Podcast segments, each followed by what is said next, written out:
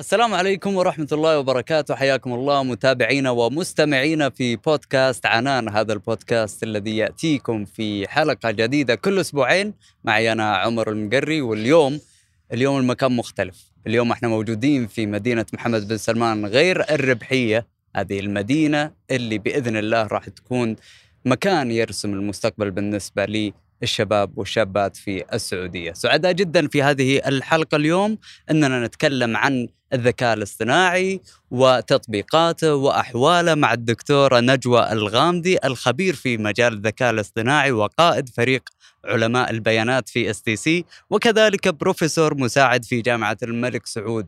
سعداء جدا جدا بوجودك دكتورة. يا هلا وسهلا وأنا أسعد كثير وشكرا جزيلا على الدعوة الكريمة. الله يعطيك الصحة والعافية. آه، كيف شفتي مدينة محمد بن سلمان؟ لحد. الآن قاعدين نشتغل. حتى أصوات ال- البناء لا زالت موجودة. جميلة جدا ومكان رائع ويعني مبني بناء على تقنية التقنيات اللي هي تصميم. اللي هو design thinking لاحظت إنه كيف موزع ال processes هنا. دليل إنه هي مكان للإبداع حيكون. بإذن الله وهذا المكان نسعى من خلاله إلى أنه يكون فعلا مكان ملهم مكان الكل يجد نفسه فيه طيب خلينا نبدأ بما أننا في هذه المدينة اللي راح تكون مدينة مستقبلية نتكلم عن موضوع مستقبلي وموضوع حالي ألا وهو الذكاء الاصطناعي ولكن نتكلم من ناحية المملكة العربية السعودية.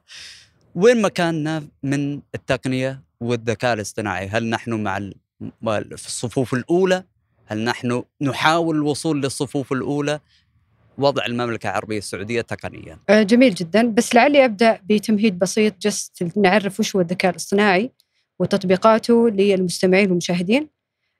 طبعا الذكاء الاصطناعي مظلة كبيرة لتقنيات كثيرة ممكن تندرج تحته بس بغرض هذا اللقاء أنا راح احصر احصر على تعريف واحد محدد اللي هي كيف أنا أقدر أبني أنظمة ذات ذكاء يحاكي آه، ذكاء الإنسان في أداء مهام معينة ومحددة. م. وغالبا هذه الأنظمة ممكن آه، تستطيع أن تطور نفسها أو ادابت ذير سيلفز أو ممكن تقوم بإعادة آه، آه، خلينا نقول تعديل نفسها بحسب المعلومات اللي تحصل عليها. خليني أعطيك بعض الأمثلة اللي قد تكون بين أيدينا يوميا وهي أصلا من أمثلة الذكاء الاصطناعي. مثل مثلا Siri و Alexa. اللي هي روبوتات متحدثة هي صحيح بشكلها مش روبوت بس ك concept هي عبارة عن روبوت يستطيع أن يتعاطى مع الإنسان من خلال فهم ما يقول وكذلك إنه آه، محاكاة مهارة. الكلام. آه، مثال ثاني يمكن يعجب الكثيرين اللي إحنا تقريبا نشوفه في منصات المشاهدة مثل نتفليكس و آه، وغيرها من هذه منصات المشاهدة وكذلك في وسائل التواصل الاجتماعي اللي هي أنظمة التوصية. أنظمة التوصية اللي تقوم باختيار مثلا محتويات معينة تناسب ذائقتك الفنية. فشلون هي فعلا تقوم باختيار هذه المحتويات تدرس سلوكك في خلال استخدامك لهذه المنصات وبعد كذا تستخدم تطبيقات اللي هي أنظمة التوصية حتى تعطيك توصيات كثيرة. فلذلك تشوف مثلا إذا فتحت يوتيوب يعطيك مثلا تسمع لعبد المجيد عبد الله فجأة تلقى مجموعة أغاني عبد المجيد عبد الله ثانية صحيح. لأنه فهم سلوكك أو ذائقتك الفنية فهذه أمثلة كثيرة ومتعددة إحنا نشوفها بشكل يومي. ولكن في قطاع الصناعة هناك كذلك أمثلة أخرى مختلفة الآن أغلب ال decision making أو صناعة القرار تعتمد بشكل كبير على مخرجات الذكاء الاصطناعي. أعطيك مثال مثلا آه، التوقع أسعار العقار. توقع أسعار الأسهم مثلا التنبؤ بتسرب العملاء التنبؤ بتسرب الموظفين هذه كلها قرارات ما عادت قرارات شخصية إنما معتمدة بشكل كبير على الذكاء الاصطناعي اللي يغذيه البيانات. فهذا مجرد تمهيد أساسي أو أولي ل- لمح- لمفهوم الذكاء الاصطناعي والبيانات. نعود لسؤالك نعود وهو للسؤال. سؤال جدا مهم صراحة وذكي جدا، إحنا فين في هذه المنظومة تحديدا في السعودية؟ آه إذا بنرجع شوي كمان وراء للرؤية آه رؤية 2030 والغرض الأساسي منها اللي هو بناء الاقتصاد المبني على المعرفة. والاقتصاد المبني على المعرفة هو اقتصاد مهم لأنه حيكون مستدام مقارنة بما نشوفه الآن آه، أو في وضعنا الحالي لذلك من أهم أهداف الرؤية اللي هو تعزيز دور الذكاء الاصطناعي لصناعة هذا الاقتصاد المبني على المعرفة أو ما نسميه بالاقتصاد الرقمي. فنقدر نقول أنه الذكاء الاصطناعي والبيانات هي تعتبر تقع في قلب رؤية 2030 لأنها بالأخير هدفها آه، يعني تحول وتعزز الاقتصاد بشكل الحالي فإذا أنا جيت أبغى أقيم المشهد بشكل عام أو مشهد أي صناعة في أشياء كثيرة لازم ننظر لها منها مثلا هل هناك استراتيجية قائمة؟ ثانيا هل هناك آه، تشريعات وحوكمة لهذا لهذا الشيء؟ آه، كيف كيف كيف شكل الاستثمار في هذه المنظومة؟ آه، وكذلك المهارات الموجودة من التنمية البشرية بشكل عام وأخيرا دعم البحث والتطوير والابتكار. نرجع للنقطة الاولى الأولى اللي هي الاستراتيجية، فالاستراتيجية already موجودة ووضعت اللي هي الاستراتيجية الوطنية للذكاء الاصطناعي والبيانات. لو نجي نشوف هذه الاستراتيجية هي تمر بثلاث مراحل. المرحله الأولى تقريبا already بدأت اللي هي بدأت من عام 2021 هي أن تكون المملكة آه، ممكن محلي آه. بحيث إننا في هذه المرحله نعرف بالضبط إيش احتياجاتنا المحلية في موضوع الذكاء الاصطناعي. آه، ننتقل بعد المرحلة اللي بتيجي بعد اللي هي في عام 2025 متوقع أننا نتحول من ممكن محلي إلى خبير أو مختص. نبنى هنا نبدأ هنا نبنى نبني خلينا نقول foundation أو بنية تحتية لإيش ممكن تكون ال competitive advantage حقتنا في السعودية؟ إيش ممكن يكون الميزة التنافسية اللي بنقدمها في مجال الذكاء الاصطناعي صح. بأننا نحدد لنا مجالات واضحة بنختص فيها.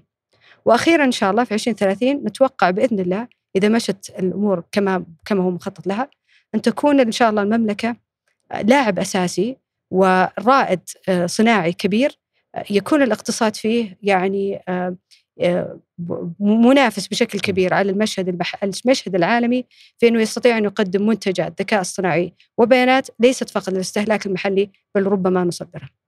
فأنا نقدر نقول من ناحية الاستراتيجية أن لدينا استراتيجيه واضحة وصريحه ويعني آه، حددت المعالم مثل ما نعم واضحة المعالم.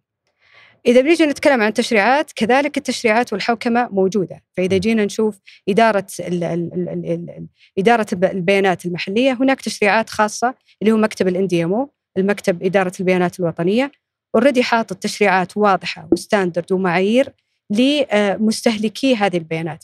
من ناحية كيف يتم إدارة هذه البيانات كيف يتم حماية البيانات الشخصية كيف يتم نقل هذه البيانات داخل وخارج المملكة. فأوريدي صار عندنا إطار واضح في كيف إحنا نتعامل مع البيانات فهذه نقطة نضج ثانية إذا إحنا بنيجي نتكلم عنها. كذلك إذا بنيجي نتكلم عن الاستثمار فيما يخص الذكاء الاصطناعي في السعودية فنجد أن هناك هدف استراتيجي واضح وقوي وكبير يدل على أهمية الذكاء الاصطناعي في المنظومة. واحد من هذه الأهداف أنه كيفية محاولة جذب الاستثمارات الأجنبية الخارجية مع الاستثمارات المحلية بحيث أن نصل إلى إجمالي استثمار ما يقارب 25 مليار في مجال الذكاء الاصطناعي في عام 2030 هذا بيعطيك عوائد على الناتج المحلي بمقدار 12% دليل على كفاءة وقوة الاقتصاد القائم على المعرفة بالضبط. فهذا علامة نضج ثالثة وواضحة فيما يخص الذكاء الاصطناعي لو بنجي نتكلم عن. المهارات م. آه اللي موجود الآن. أولا نيجي نشوف أصلا أنه واحدة من الأهداف أنه يكون في 2030 أنه عندنا تقريبا 20 ألف إذا ما كنت غلطانة. آه خبير في الذكاء الاصطناعي.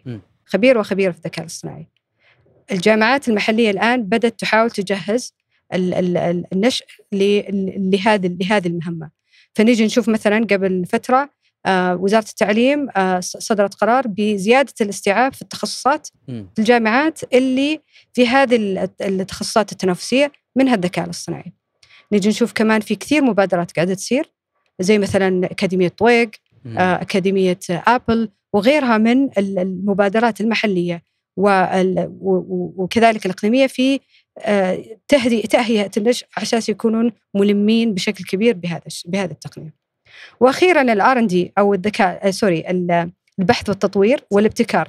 طبعا إحنا already أطلقت ما شاء الله آه، خطة وطنية كبيرة لتشجيع البحث والتطوير بحيث يتم استثمار 2.5 تقريبا بالمية من الناتج المحلي في موضوع الاستثمار في مجال البحث والتطوير والابتكار. في المجالات التنافسية منها الذكاء الاصطناعي فتخيل الأثر هذا على تنمية هذا الاقتصاد صح. فهذه كلها علامات نضج أنه إحنا في مراحل متقدمة م. آه، تجعلنا في تفاؤل وتطلع للمستقبل لكيف ممكن أن نصل إلى مكانة عالية في الذكاء الاصطناعي إن شاء الله بالضبط فتحدثت عن آه، أهمية فعلا أنه يعني من الخطط المبالغ المالية اللي موجودة في هذا المجال من ناحية استثمار من ناحية الفرص اللي موجودة في هذا المجال. بالنسبة لرواد الأعمال والمستثمرين في جزئية الذكاء الاصطناعي كيف نقدر نتكلم عن هذا الموضوع؟ آه هذه نقطة مرة مهمة لأنه طالما أنه الاقتصاد الآن بدأ يتغير شكله صار قائم على المعرفة وكمان هناك تشجيع كبير خصوصا لرواد الأعمال في أن يكونوا مساهمين في هذا الاقتصاد. آه فهنا في خلينا بس نتكلم عن بعض النقاط. قبل ما نشوف كيف ممكن يساهمون وكيف ممكن فعلا آه يكون لهم دور كبير. خصوصا أنا جلست راح كثير مع رواد الأعمال فهناك اهتمام كبير آه وكمان في اهتمام محلي في وجود في مسرعات الأعمال كذلك والحاضنات. أصبح هناك تراكات خاصة للذكاء الاصطناعي. فيجي مثلا يجي عندي مثلا شخص يقول لي طيب أعطيني فكرة ذكاء اصطناعي أنا أقدر أحولها إلى شركة أو startup. فنيجي هنا نبغى نذكر كل من يريد أن يستثمر في هذا المجال أن الذكاء الاصطناعي وغيره من التقنيات الناشئة هي enablers هي ممكنة وليست غاية أو ليست هي المشكلة التي ترغب في حلها. ف يعني لذلك هناك هي مشكلة قد تكون mindset إنه how to shift ال mindset بحيث إنه يفكر في الحل يفكر في ال pain point أو نقطة الألم بدل ما يفكر في طريقة تنفيذ هذا الشيء. قد لا يكون الذكاء الاصطناعي دائما هو الحل لهذه المشاكل، بالعكس قد يكون حل مكلف، فممكن تكون حلول أكثر سهولة من الذكاء الاصطناعي. فلرواد الأعمال عموما وللمستثمرين دائما أبحثوا عن الاستثمارات أو فرص الأعمال اللي يكون فيها pain point واضح. الذكاء الاصطناعي كيف ممكن يحسن في ذلك؟ ممكن من خلال الذكاء الاصطناعي إنك أنت تبحث عن فكرة يجعلك أو الذكاء الاصطناعي ممكن يساهم في خلق ما يسمى ال blue ocean area أو الأسواق الجديدة اللي ما يمكن تكون الأسواق التقليدية منافسة له. فهنا ممكن الذكاء الاصطناعي يعطيك نوعا ما edge أو ميزة تنافسية يخليك متقدم على الثانيين بمراحل ويخليك متميز. لكن إنك تستخدم الذكاء الاصطناعي كسبب أنا ما أعتقد لازم تكون عندك هناك نقطة ألم واضحة تقدر تبدأ منها. وشلون تبدأ؟ طبعا أبسط طريقة أو وسيلة أنك تشوف المجالات اللي أصلا اللي هو رؤية 2030 يعني تركز, تركز عليها. عليها مثل الصحة مثل التعليم مثل الطاقة for example عندك ال mobility اللي هي التنقلات كيف أنا أقدر أحاول أحسن ال mobility في داخل المنطقة. الذكاء الاصطناعي ممكن يساهم بشكل كبير. المدن الذكية مثلا. فهذه كلها مجالات ممكن الواحد يبدأ منها أو يفكر يشوف وين نقاط الألم وكيف أنا أقدر أبني من هنا. startup فهذه ممكن نقطة دخول إذا حابين نتناقش في هذا الموضوع زيادة. طبعا هذا فيما يخص الشباب المستثمرين من يبحث عن الاستثمار في هذا القطاع؟ فعلا يبحث عن نقطة ألم أولا. صحيح. هذا بكل المجالات. بعد ذلك ممكن يدخل في مجال معين. يمكن في تحديات كثيرة تواجه هذا القطاع خصوصا أنه أول شيء هو قطاع بحد يعني بنفسه سريع. سريع التطور صح. سريع التغير.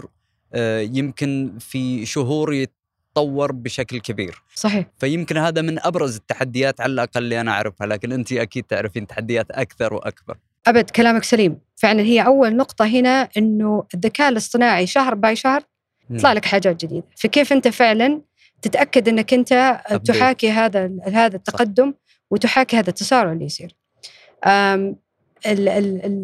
اللي ممكن يصير مثلا إذا شخص عنده مثلا منشأة معينة في الذكاء الاصطناعي لازم يكون هناك وحدة على الأقل صغيرة R&D خلينا نسميها.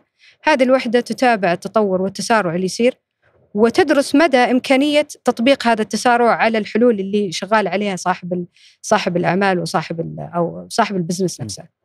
آه فهذه ممكن تكون واحدة من الأمور اللي ممكن تحاكيها لكن المفروض إنه ما يكون هذا مصدر قلق لأنه حتى لو صار التسارع هذا الكبير جدا يفضل في مرحلة الاختبار ما زالت تكون في مرحلة اختبارات أو مرحلة م. تجارب قد لا تكون جاهزة تماما للانتقال للمرحلة التصنيعية. فبس لابد أن يكون مطلع لأن بالأخير هذه راح تنضج وتصير مور ماتشور and maybe they have to adapt it أو أو يطبقونها في their own uh, solutions. م. هذا واحد من الأسباب بس في أشياء أخرى يعني أنا أحب أنوه دائما لأي شخص يرغب في اقتحام مجال التقنية في مجال الذكاء الاصطناعي. الأمور ليست سلسة كما تبدو. لا يمكن بأي حال من الأحوال أن تعتقد أنه مشاريع الذكاء الاصطناعي تشبه أي مشروع تقني. مشروع الذكاء الاصطناعي مشروع مكلف جدا. والسبب أنها هي منظومة هي ليست فقط أنا بقول ببني system وأكتب كود و I deploy it وأحطه على ال server وأسوي تطبيق و that's it لا هو منظومة أو سلسلة متكاملة من مجموعة مكونات مم. عندك الكود عندك ال data. صح. بيانات ال data هي أهم شيء هي طبعاً. الأهم شيء هي البيانات. فالبيانات هذه عندك هل هي متوفرة أو لا؟ هل هي صحيحة؟ أحسنت. هل هي صحيحة؟ هل ال quality حقتها ممتازة أو جودتها جيدة؟ هل هي كافية؟ مم. يعني أعطيك مثال. آم، مثال مرة بسيط. لو أنا أبغى أسوي تطبيق آم، أو خلينا نقول تطبيق ذكاء اصطناعي يفرق بين معضلة أساسية وأنت تروح تسوي shopping في السوبر ماركت مم. وش الفرق بين الكزبرة والبقدونس صح فأنت تبي تصور الكزبرة وتبي تصور البقدونس وال- والتطبيق يقول لك ترى يا عمر هذا كزبرة يا عمر هذه بقدونس فهذا ال simple application ما هو بكود أنت بتكتب if. هذه كذا بتصير كذا else كذا. لا you need to have data كافية للكزبره صور كافية. للكزبره وصور كافية للبقدونس. إذا كانت الصور ما عندك إلا صور كزبرة التطبيق لا يمكن يتعرف على البقدونس.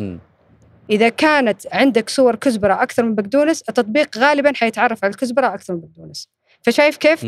فلازم يكون عندك كا مش بس عدد كافي متكافئ ومتوازن حتى بين الأشياء الموجودة.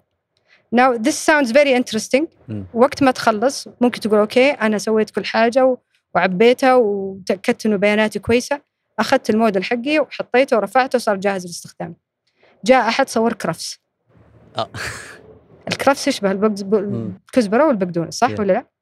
نوعا ما الورق حقه بس. الجذور تختلف النعناع يدخل معاهم أحسنت النعناع فالتطبيق إيش بيسوي؟ يعني بيضيع. يا, يا ساتر بيعطيك لازم يصير 50 عنده صور نعناع وصور أيوه. فتخيل أنت حتى بعد التصنيع لازم. ترجع كمان تعدل الموديل حقك إنه يتعرف على الأشياء الموجودة فهذا مثال بسيط بس يقول لك قديش الموضوع is complex somehow مم. فلذلك هو it's not just about code في عندك ال- data وفي عندك كذلك كيف ال- البنية التحتية عشان هذا هذا الموديل يصير مستمر. شغال بشكل دائم وياخذ feedback بشكل مستمر تحتاج كذلك إلى آه، اللي هم يسمونه computational power عالية.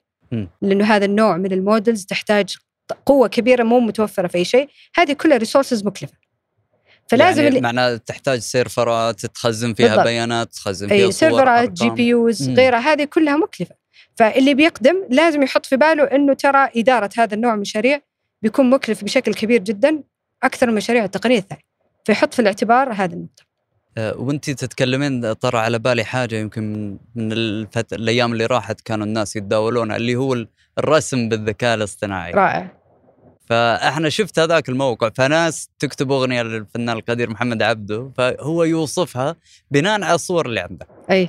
فودي تشرحي لي شوية. absolutely هذا اللي هو هذه هذه أحد النماذج. الفنية. تعتمد على تقنيات معينة مثل تقنيات بت- تقنيات ال transformer ما راح أدخل بالتفصيل. فيها بس هي الهدف هنا إنك تدخل لها نص ومن هذا النص يبدأ يعمل generate. لصور وأعمال فنية. النموذج آه، معروف باسم آه، DALL-E إيه. آه، وأخذ فعلا زخم مرة كبير جدا بس أعتقد إنه هذه هذا واحد من خلينا نقول ال breakthrough اللي صارت اللي ممكن حتى تغير شكل بعض الوظائف اللي موجودة صح. عندنا. فأنا أتخيل وهذا رأيي الشخصي إنه حيغير شكل الفن الرقمي عندنا. مم. في الفن الرقمي بدل ما أنت بتصير تاخذ أدوات وترسم وكذا ربما والله أعلم في المستقبل يصير دورك شلون تكتب الجملة اللي فعلا وال generate الصورة صح اللي تكون artistic enough آه ف فبي وطبعا هذه بتحتاج بعض المدخلات التقنية فبيتغير حتى شكل. ال skill. حقة الفن الرقمي فهذه فعلا تداولت في كمان نماذج مشابهة نفس ال concept حق DALL-E آه ولكن على اللغة مم. مثلا تكون من القوة إنه ممكن تألف لك شعر ممكن تكتب لك إيميل ممكن تكتب لك. مقال أحسنت تعزف موسيقى آه طبعا وفي بعض الاستخدامات اللي نقول لها أخلاقية. تسوي لي اساينمنت. تكتب لي اسي بحث.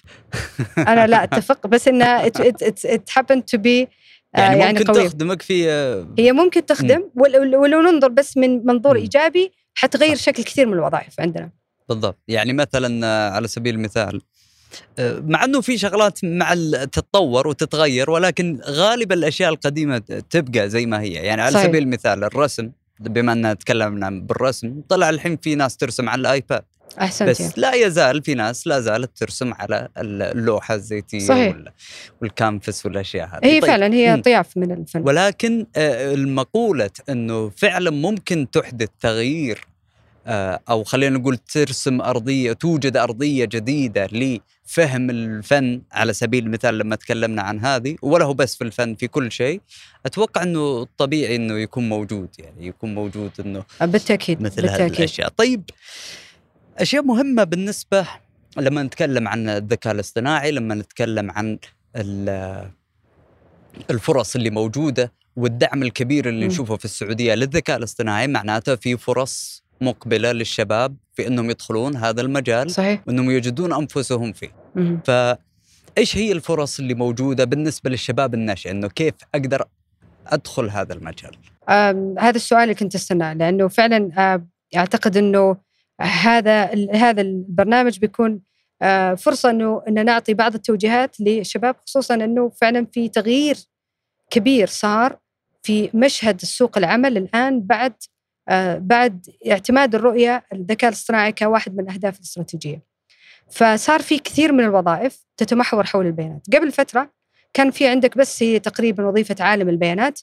أو كان حتى اسمها محلل بيانات الحين ما شاء الله صار عندنا عالم بيانات صار عندنا مهندس بيانات صار عندنا مهندس تعلم آلة في عندنا أخصائي آه، أخص آه، أو آم، أخصائي مثلا آه، حماية البيانات في عندك الكواليتي في عندك كذلك الجفرنس اللي هي حوكمة البيانات. طبعا. تتخيل إشكال هذه كلها علشان تضمن لنا بيانات صحيحة. بالضبط يعني، مم. بالضبط. يعني بيانات صحيحة وبناء نماذج صحيحة ووضع هذه النماذج في طور التشغيل. فتخيل هي منظومة متكاملة. يعني فأي فلذلك كبير. اللي يقول لك الذكاء الاصطناعي حيشيل كثير وظائف أنا ما أتفق. أنا أشوفه مم. إيجابي اللي صار عندنا. بالعكس قد يكون هذا الذكاء الاصطناعي يلغي بعض الوظائف الروتينية لكن في المقابل حيصير التركيز على الوظائف الإبداعية والوظائف الممكنة لمنظومة الذكاء الاصطناعي الموجوده عندنا بالإضافة إلى التقنيات اللي حتعتمد على الذكاء الاصطناعي زي ال IoT زي ال cybersecurity وغير هذه التقنيات حيكون الذكاء الاصطناعي جزء مهم منها مم. فحيكون عندك منظومة آه، سوق عمل جديد تماما مختلف مم. now نجي لنقطة ال- الشباب وش المفروض يسوون الآن ال- الشيء الجيد صراحة إذا نظرت لسوق العمل أنه لو أنا بجي أشوفه قبل خمس سنوات كانت الكفاءات مرة شوي في هذا المجال. الحين وبسبب يعني التوجيهات اللي صارت لل لل لل لل- للتماشي مع الرؤية الجامعات صار فيها كثير تخصصات اللي هي أم، متعلقة أو تتطرق لل- لل- للذكاء الاصطناعي وال وال وال وال وال وال وال other related topics فتلقى مثلا جامعة الملك سعود عندهم track ات جامعة البترول كذلك عندهم تخصصات إلى آخره. فبدأوا الآن يضخون في سوق العمل.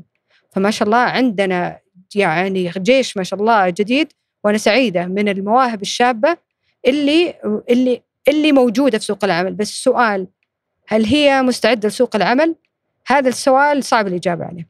طيب هل سوق العمل آه، فعلا مستعد لهذا الجيش خلينا نقول I would say آه، يعني اللي من. اللي أشوفه الآن وشيء جميل صراحة في القطاعات المختلفة أصبحت هناك برامج مم. خاصة لحديثين التخرج تستقبلهم وتبدأ تشتغل. عليهم ممتاز. وإلى ما ذلك بس هذا السؤال اللي بيفكر فيه صراحة بشكل جيد أنا أشوف أنه نفس الخريجين لازم يفكرون.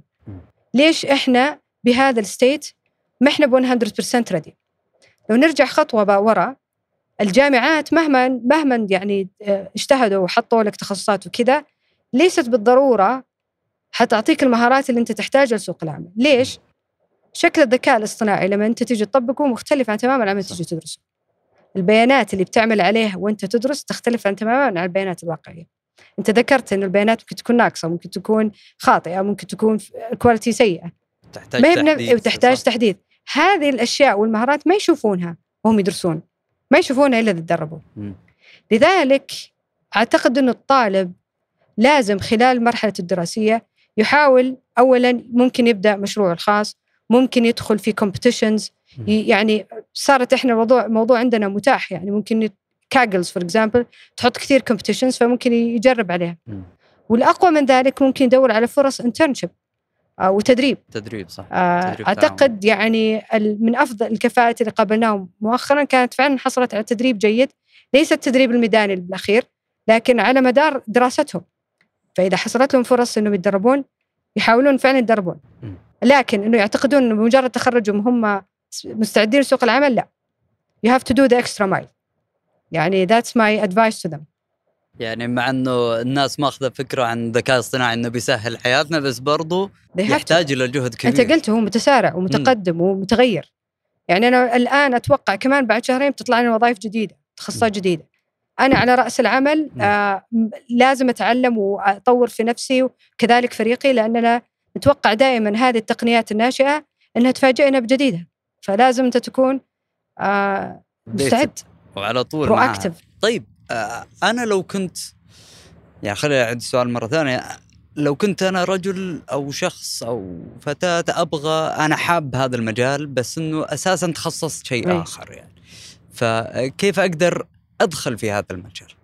believe it or not من أفضل الناس اللي أنا شفتهم الآن وأشتغل معاهم فعليا ترى ما كانوا متخصصين في هذا المجال. م. بس أنا ما ما أقول يعني ما أقول إنه ما مو بلازم تتخصص بالعكس أنا أشجع إنك إنك تتخصص في العلوم التقنية الأساسية. يعني زي علوم الحاسب هندسة البرمجيات نظم المعلومات تقنية المعلومات ممكن نظم معلومات إدارية. هذه تخصصات عامة جيدة. جيد إنك تكون متخصص فيها. أنا ضد إنك كمان وهذا راي شخصي من مدرسة أنا لأني من مدرسة ال- التخصص العام ضد إنك تدخل مثلا تخصص البكالوريوس آه آه يكون مثلا اسمه الذكاء الاصطناعي. أنا أقول لك أنا تخرجت من الجامعة سنة 2005 مم. كان التخصص الدارج في هذاك الوقت آه إدارة إدارة ال database إدارة. قواعد البيانات بس I choose إني أتخصص في علوم الحاسب ما رحت أتخصص في هذا وأنا I'm so happy إني سويت هذه الخطوة لأنه ما عاد الآن شيء دارج. اسمه هذا الشيء yes فخلك دائما في تخصص عام. لو نجي لسؤالك لو أنا ما حصل لي هذا الشيء ما هذا الشيء المفروض ما يمنعك ابدا إنك تجرب لأنه في كثير nanodegrees موجودة. آه، من الأشياء اللي حتى مسك supported. سواء كان General Assembly أو Udacity موجود في كثير nanodegrees أنت تقدر تتعلمها. الشيء الثاني آه آه اللي هو شكل عالم البيانات المستقبلي، ترى عالم البيانات المستقبلي هو يفضل انه يكون الشخص المتب- المتمكن في شكل البيانات نفسها. يعني مم. ممكن يكون واحد طالب طب فاهم البيانات الطبية بس يتعلم عليها مهارات علم. البيانات يصير خلاص عالم بيانات جاهز يمكن أحسن من اللي بادي. من التقنية. واحد متخصص في ال fintech أو في ال finance يتعلم مثلا بأساسيات العلم علم البيانات الذكاء الصناعي هنا مرة يصير متميز. بالعكس أنا encourage لأنه بيكون جاي من خلفية أصلا أخرى بالضبط فأنت فاهم ال domain مم. فإذا فهمت ال domain فهمت شكل البيانات تعرف شلون أنت تطبق عليها الأشياء أو المهارات حقت الذكاء الصناعي فأجين المفروض ما يمنعك إنك أنت أو ما يمنعك إذا أنت غير متخصصة تقنيا بالعكس هنا شو حتكون عندك opportunity يمكن في إنك تتخصصين في مجال ويكون عندك ايدج مختلف عن غيرك. ممتاز. وهذا بالتالي بيعطيك فرص أكبر في بالضبط. المستقبل. بما إن قلنا المستقبل مستقبل الذكاء الاصطناعي. هو بح... أنا قلت لك قبل لا نسجل هو بحد ذاته مستقبل.